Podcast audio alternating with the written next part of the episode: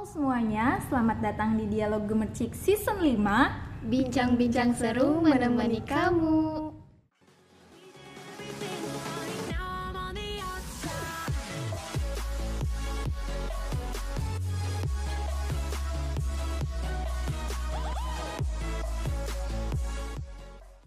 Hai hai hai, balik lagi nih di Dialog Gemercik Setelah sekian lama vakum, kali ini Dialog Gemercik hadir kembali bersama host baru. Nah, di episode pertama Gemercik Season 5 ini akan ditemani bareng aku, Humairo, biasa dipanggil Uma dari Divisi Reporter 2020 jurusan Kesehatan Masyarakat.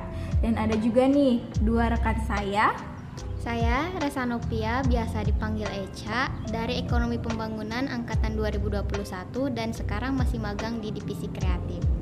Saya Hana Novianti dari jurusan Pendidikan Biologi, Divisi Reporter 2021. Yeay. Nah, bareng host baru di podcast kali ini kita bakalan ngobrolin hal-hal yang seru dan tentunya menarik banget nih untuk disimak. Eh, happy listening guys. Oke guys, tahu nggak sih kalau tanggal 8 Maret kemarin diperingati sebagai Hari Perempuan Internasional dan tahun ini Hari Perempuan Internasional atau International Women Days mengusung tema Break the Bias.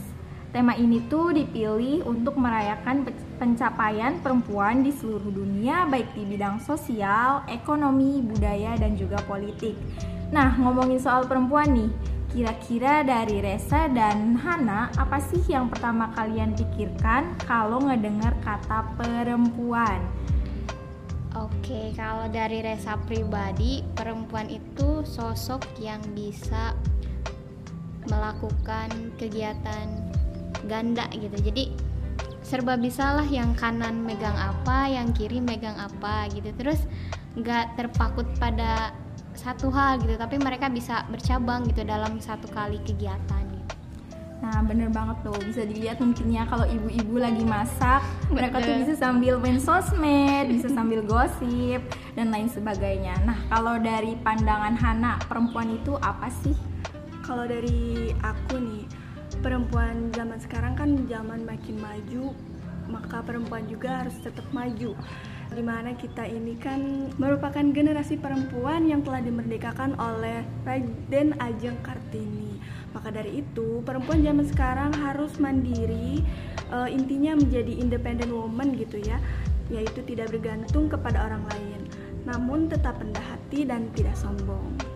Nah, pendapat dari Hana juga tentunya bisa membuka pikiran kita kalau perempuan itu nggak harus diem-diem doang di rumah. Perempuan juga bisa mengeksplor segala hal yang dia pengenin.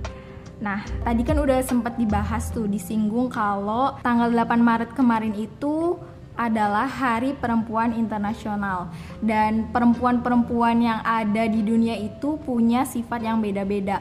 Kalian pernah nggak sih nemuin sosok perempuan yang dia tuh percaya diri, dia tuh independen banget? Eh, menurut kalian perempuan yang kayak gitu tuh gimana sih? Kalau Resa nih ya, yang pertama pasti sosok ibu di rumah itu tuh kayak independen banget gitu yang pertama. Sedangkan kalau untuk yang lainnya kan kayak enterpre apa entertainment zaman sekarang gitu kayak mau, mau di Ayunda itu kan dia udah pinter terus Cantik. dari cantik terus tutur sikapnya itu bener-bener jadi panutan gitu kan nah jadi dia kayak pantas nih disebut sebagai wanita karir yang sukses terus memberikan contoh independent woman lah gitu Nah, oke, itu kan dari Resa ya. Kalau dari Hana sendiri gimana? Kalau dari aku sendiri ya, eh, dari independent woman itu bisa termasuk menjadi wanita yang sangat mandiri. Contohnya kita bisa lihat seperti Najwa Shihab. Beliau bisa berkarir dan juga menjadi sosok ibu rumah tangga yang baik menurut suami dan anaknya. Nah, untuk saat ini wanita yang bergantung dengan laki-laki itu sangat eh, tidak efisien di dunia saat ini dikarenakan dunia yang semakin maju banyak hal-hal yang dapat dilakukan oleh para wanita-wanita yang tangguh. Nah, Nah, bener banget tuh. Teman-teman tahu nggak sih kalau sekarang itu ada istilah yang namanya high value woman. Nah, di sini kita bah bakal bahas dan singgung-singgung tentang high value woman. Nah, e, sebenarnya apa sih high value woman itu? High value woman adalah perempuan yang dia tuh percaya diri banget. Jadi eh, orang-orang yang ngelihat dia itu uh, dia itu sosok yang positif vibes. Dia itu nggak mencari perhatian ke orang-orang lain nggak caper gitu. Dan dia tuh nggak membutuhkan validasi dari orang lain. Nah dan juga ketika dia berhubungan dengan orang itu dia nggak caper dia nggak banyak drama. Pokoknya dia itu positif vibes banget. Nah kalau menurut Resa dan Hana gimana sih caranya kita tuh menjadi perempuan yang high value woman? Kalau dari Resa, sebenarnya e, berdasarkan tadi yang Teh Uma sebutkan gitu, setiap perempuan kan bisa dikatakan bisa menjadi high value woman gitu. Dan sebenarnya nggak sulit juga untuk cara menjadi high value woman kuncinya sih dimulai dari diri sendiri ya kalau menurut Resa kayak yang pertama kita tuh harus mencintai dan respect terlebih dahulu terhadap diri kita sendiri gitu. Jangan mudah insecure terus jangan mudah istilahnya terbawa emosi atau sesuatu yang malah merugikan kita. Terus kita harus mencoba menghindari drama kan? Kayak tadi kalau semisal butuhnya ke sana ya udah langsung aja ke sana gitu. Jangan bertele-tele ke sini dulu ke sana dulu. Nangis dulu gimana dulu gitu kan. Terus mulailah fokus terhadap perbaikan diri gitu. Jadi stop untuk menjudge orang lain. Mungkin kalau untuk berkomentar memberikan saran ya boleh kan. Tapi harus ada batasan gitu. Jangan sampai kita berkomentar orang ke orang lain itu jauh lebih besar ketimbang kita introspeksi diri gitu. Dan yang terakhir tidak sembarangan memutuskan pasangan sih. Karena kan ya manusia makhluk sosial gitu kan. Terlepas pasangan itu pasangan teman atau keras gitu kan. Ya. doi kan. Nah kita kan harus ayang gitu ya. Betul kita harus pilih-pilih gitu. Jangan sampai kita dapat pasangan yang malah hanya bisa memanfaatkan kita terus menjatuhkan kita menjerumuskan kita ke hal-hal yang tidak baik gitu. Nah, Nah, e, di antara gempuran ayang ini kita juga harus memikirkan gitu pasangan yang benar-benar bisa membawa kita ke arah yang lebih baik. Iya. Jangan cuma buat pamer-pamer di sosial media gitu ya. Iya. Nah, e, kalau dari Hana sendiri keuntungan seorang perempuan yang dia tuh punya nilai tersendiri tuh apa sih? Kalau dari aku sendiri ya, kalau misalkan perempuan udah diklaim sama orang lain menjadi high value woman, biasanya mereka memiliki pendirian tetap. Nah, high value woman ini juga bersinggungan dengan alpha woman, di mana alpha woman ini merupakan uh, perempuan yang mendominasi. Nah, di sini mendominasi di sini bukan berarti mendominasi ketika kita sudah menjadi seorang istri, tetap kita harus menjadi seorang istri yang patuh terhadap suaminya. Namun alpha woman di, di sini itu ke, harus menjadi perempuan yang tegas di dunia pekerjaan, baik lingkungan. Uh, agar ketika kita menjadi seorang istri nanti dapat membedakan antara lingkungan rumah tangga dengan pekerjaan dan lain-lainnya. Di mana lingkungan rumah tangga ini kita harus tetap menjadi energi feminim. Oke, hmm, bagus banget tuh tanggapannya. Kalau menurut aku perempuan itu perempuan yang mempunyai high, high value woman tuh uh, jadi mereka itu mandiri tapi mereka tetap pada porsinya. Mereka tahu mana bagian dia dan mana bagian eh, laki-laki, uh, mana bagian pasangannya. Nah, uh, menurut Hana dan juga Resa nih, kapan sih kita tuh nerapin high value woman dalam diri kita sendiri? Kita kan ini sama-sama perempuan ya. Yeah. Menurut kalian gimana sih? Dari Hana dulu silakan. Yes, ya kan. Kalau dari aku sendiri nih ketika kita menginjak uh, usia remaja di mana kita masih labil-labilnya dalam memilih uh, keputusan, memilih hal-hal yang berkaitan dengan ke depannya itu di situ pola berpikir kita sangat berpengaruh ke depannya ya teman-teman. Seperti misalnya uh, dalam memilih hal jurusan dalam pendidikan juga itu berpengaruh. Nah, di sini high value woman itu harus diterapkan ketika kita menginjak dewasa pada saat uh, kita merasakan jatuh cinta itu. Karena jatuh cinta itu menurut saya pribadi dapat merubah segalanya. Betul. Biasanya yes. orang yang udah kalap sama jatuh cinta, udah lupa sama dunianya sendiri, kadang cita-citanya sendiri juga bisa terlupakan. Oh gitu. Jadi uh, boleh, sebenarnya boleh kita punya pasangan, terus kita juga bucin, tapi tetap pada porsinya gitu ya. Dan jangan sampai kita tuh terlalu fokus sama percintaan, jadi masa depan kita itu dikorbankan seperti itu guys. Nah kalau dari Resa sendiri gimana nih? Kalau dari Resa sih jawabannya singkat ya. Kapan kita harus mulai melakukan atau berperilaku berprinsip high value woman ya sekarang gitu. Sekarang mungkin kalau saat ini nih Resa kan sebagai mahasiswa ya semester 2 baru awal masuk gitu. Nah kan pas awal-awal otomatis pembaharuan dong mulai dari lingkungannya terus orang-orangnya sama kalau dari segi akademik pasti kan juga berbeda gitu. Nah pada saat itulah kita harus mulai berpikir untuk menjadi berprinsip uh, high value moment. Kita harus menyortir mana saja sih yang emang bisa kita jadikan teman dan hanya sebat atau hanya sebatas kenal gitu. Karena kan ya nggak dipungkiri gitu kan di masa-masa sekarang tuh e, terutamanya zaman-zaman kita nih mahasiswa ada sebenarnya musuh yang paling deket tuh ya temen, temen kita sendiri, sendiri gitu. nah jangan sampai nanti kita di akhir yang malah jadi korban gitu karena kita tidak menyortir dengan baik teman mana aja sih yang bisa kita pilih gitu. Karena kan selain percintaan nih menurut Teresa persahabatan juga sebenarnya menentukan masa depan kita gitu. Dengan siapa kita bergaul ya ke depannya itu yang akan kita hadapi gitu. Begitu Oke, jadi menurut Resa tuh bisa dilakukan sekarang, tapi lihat juga situasi dan kondisinya iya, menyesuaikan. Ya, Termasuk tadi pertemanan ya, tadi kan udah disinggung nih tentang percintaan, tentang pasangan, tentang bucin-bucin dan tren A yang sebagainya. Persahabatan juga memengaruhi ya, memengaruhi, memengaruhi kehidupan kita. Bagaimana sikap sahabat kita biasanya juga bakalan ngaruh ke kehidupan kita. Nah, selanjutnya nih, gimana sih tanggapan kalian kalau misalnya ada orang yang uh, punya pikiran gini nih? Ngapain sih jadi perempuan terlalu mandiri nanti eh, nggak uh, ada yang ngedeketin kamu? Gimana tuh? Setuju nggak nih sama pendapat yang seperti itu? Kalau harusnya jelas enggak enggak setuju banget karena uh, kalau rasa sih berkaca dari kehidupan sendiri lah ya. Ada ayah ada ibu. Nah ditinggal orang tua itu susah gitu. Nah otomatis kan kita harus bisa tanpa mereka gitu. Kita harus mandiri kayak mulai dari hal-hal kecil sampai jadi hal-hal yang besar gitu kan.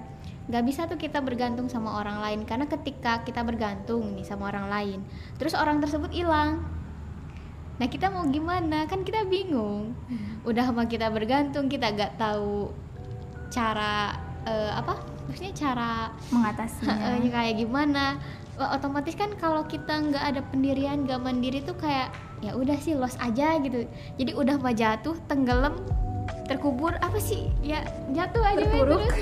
Gitu lah. Nggak nggak ada pikiran untuk bangkit gitu. Sedangkan kan kalau cewek mandiri itu bisa dibilang mentalnya cukup kuat lah ya ketika diterpa masalah terus yang namanya down mereka akan menemukan kembali titik di mana gak bisa nih kita kayak gini. Kita harus bangkit gitu. Nah, e, kalau dari Hana gimana nih pendapat yang seperti itu tuh? Sebenarnya gimana sih cara kita keluar dari stigma seperti itu? Kalau dari aku sendiri kadang nih ya menjadi wanita yang mandiri men itu menjadikan laki-laki minder untuk mendekati kita. Karena kenapa? Biasanya laki-laki itu tidak terlalu suka wanita yang mandiri karena wanita yang mandiri itu mereka bisa melakukan hal apa aja sendiri tanpa Betul. didampingi dia. Nah, banyak kebanyakan lelaki itu menyukai wanita itu yang bergantung pada dirinya, melihat betapa bahwa wanitanya itu mencintai dirinya. Hmm. Namun ketika seperti itu, laki-laki itu akan menginjak-injak harga diri mereka sendiri. Nah, itulah mengapa ketika kita menjadi wanita mandiri atau independent woman, carilah pasangan yang berada di atas level kamu sendiri. Karena ketika kita mendapatkan pasangan yang berada di atas level kita, kita akan merasa aman tanpa e, merasa tersaingi dengan pasangan kita sendiri. Begitu. Nah, gitu deh. Jadi kalau menurut aku nih perempuan yang mandiri itu dia bukan mau menyaingi laki-laki, dia tuh sadar value dalam dirinya itu apa. Jadi dia tuh nggak mau bergantung ke laki-laki bukan karena dia tidak menganggap laki-laki, tapi dia pengen selagi dia bisa ya ngapain harus ke orang lain gitu Nah, kan. betul Nah, sekali Eh, betul tuh. Jadi sebenarnya kita tuh harus ada di lingkungan yang memang sepemikiran sama apa yang kita inginkan gitu ya. Oke, selanjutnya nih, menurut kalian berdua, penting gak sih kita mengejar ekspektasi orang lain biar mereka tuh tahu kita tuh wah kita tuh high value woman, kita tuh mandiri banget, penting gak sih? mau dari Teh Hana dulu atau Oke, boleh silakan. Kalau dari aku sendiri ya, kalau ngejar ekspektasi orang lain itu tidak akan ada habisnya, itu poin utamanya. Karena sampai kapan pun kita akan melakukan eh, sesuatu itu untuk orang lain bukan untuk diri sendiri. Eh, jadi kalau ngejar ekspektasi orang lain tuh kita bakal capek sendiri ya. Iya. Jadi eh, orang lain mau apa, kalau terus-terusan kita lakuin kita bakal capek sendiri. Jadi mending kita fokus sama diri kita sendiri, fokus sama apa yang kita inginkan. Kalau menurut Resa gimana nih? pendapat Resa sih sama ya setuju. Gak jauh beda dari yang Teh Hana tadi bilang. Ketika kita melakukan sesuatu untuk tujuannya adalah mengejar ekspektasi orang lain ya bakal capek sendiri. Karena kan ekspektasi orang lain gak gak gak ada habisnya gitu. Dan kalau Resa pribadi berpikir ketika kita melakukan sesuatu untuk ekspektasi orang lain tuh keluarnya jadi nggak natural gitu. Selalu aja ada celah untuk orang lain bisa ngejatuhin kita. Tapi ketika kita melakukan sesuatu untuk diri kita sendiri itu kan kayak bener-bener murni dari diri kita gitu dari hati kita gitu ya. Mau orang lain bilang kurang inilah kurang itulah ininya ginilah ininya gitulah. Ya kita nggak akan peduli gitu. Karena ya kita melakukan itu untuk diri kita sendiri untuk ke- kesenangan kita gitu. Nggak terpaku sama orang lain gitu karena kita mengejar ekspektasi gitu pengen disebut wah atau gimana gitu. Nah, itu dia teman-teman pembahasan kita mengenai high value woman. Seru banget kan dan buat teman-teman nih yang merasa pengen banget nih jadi high value woman menurut aku nggak perlu eh, dapat eh, penilaian dari orang lain. Kalian tuh ngelakuin itu harus berdasarkan pada diri sendiri, harus didasarkan ya keinginan kalian sendiri. Dan buat kalian yang pengen nih eh, jadi perempuan yang mandiri, kalian bisa ngelakuin hal-hal kayak gini nih. Kalian tuh yang pertama, kalian harus tahu nilai dari diri kalian sendiri. Dan e, kalau misalnya kalian udah tahu nih, kalian kembangin kembangin kemampuan yang ada dalam diri kalian. Terus juga jangan lupa berbuat baik ke semua orang, jangan ke e, orang-orang tertentu aja. ke semua orang ya, jangan ke orang tertentu aja. Dan juga kalian harus berkomitmen nih berkomitmen pada diri sendiri. Karena ketika kalian berkomitmen kalian bakalan e, ngelakuin semuanya itu nggak berat gitu. Beda lagi kalau misalnya kalian ngejar ekspektasi orang kayak yang tadi udah dibahas Hana sama Tessa E, kalau kita terus-terusan ngejar ekspektasi orang kita bakalan capek sendiri karena itu bukan diri kita yang sebenarnya Nah, kalau eh, selanjutnya ada kesan-pesan mungkin dari Resa dan Hana boleh disampaikan. Oke, untuk teman-teman dari Resa nih ya. Jadi mulai hari ini tuh kita sebagai perempuan harus berani dan percaya diri ya untuk membuktikan bahwa kita itu serba bisa terlepas dari gender kita yang sering dibandingkan gitu. Nah, kita bisa memimpin terutama untuk mencapai cita-cita dan karir gitu. Belajarlah jadi perempuan yang dihormati dan disegani, bukan perempuan lemah yang bisanya hanya bersembunyi. Tih. Kata-kata motivasi tuh dari Resa. Selanjutnya ada dari Hana nih. Kalau dari aku sendiri pesan aku nih karena perempuan ini ada harinya gitu diperingati International Women's Day maka dari itu mulai dari sekarang kita harus mulai sadar gitu bahwa kita sebagai perempuan harus mulai maju dalam berpikir, bertindak dan memiliki prinsip. Karena bergantung kepada orang lain itu tidak selamanya orang lain akan membantu kita gitu. Iya. Tuh. Tangan dong. Sekali oleh. Eh, seru banget nih pembahasan kita kali ini. Semoga tadi yang udah dibahas mengenai high value woman mau itu dari segi cita-cita, kemudian ada percintaan, pertemanan. Semoga semuanya bisa menjadi salah satu motivasi bagi kalian semua terutama perempuan-perempuan yang sudah berkenan mendengar podcast kita kali ini. Oke, sekian bincang-bincang kita pada episode kali ini. Tetap jaga kesehatan, jangan lupa follow Dialog Gemercik di Spotify untuk dapat mendengarkan podcast seru kami dan jangan lupa follow all sosial media kami di @gemercikmedia di Instagram, Twitter dan juga YouTube. Serta jangan lupa untuk kunjungi web gemercikmedia.com untuk terus update berita dan isu-isu terbaru. Akhir kata, terima kasih dan sampai jumpa. Wassalamualaikum warahmatullahi wabarakatuh.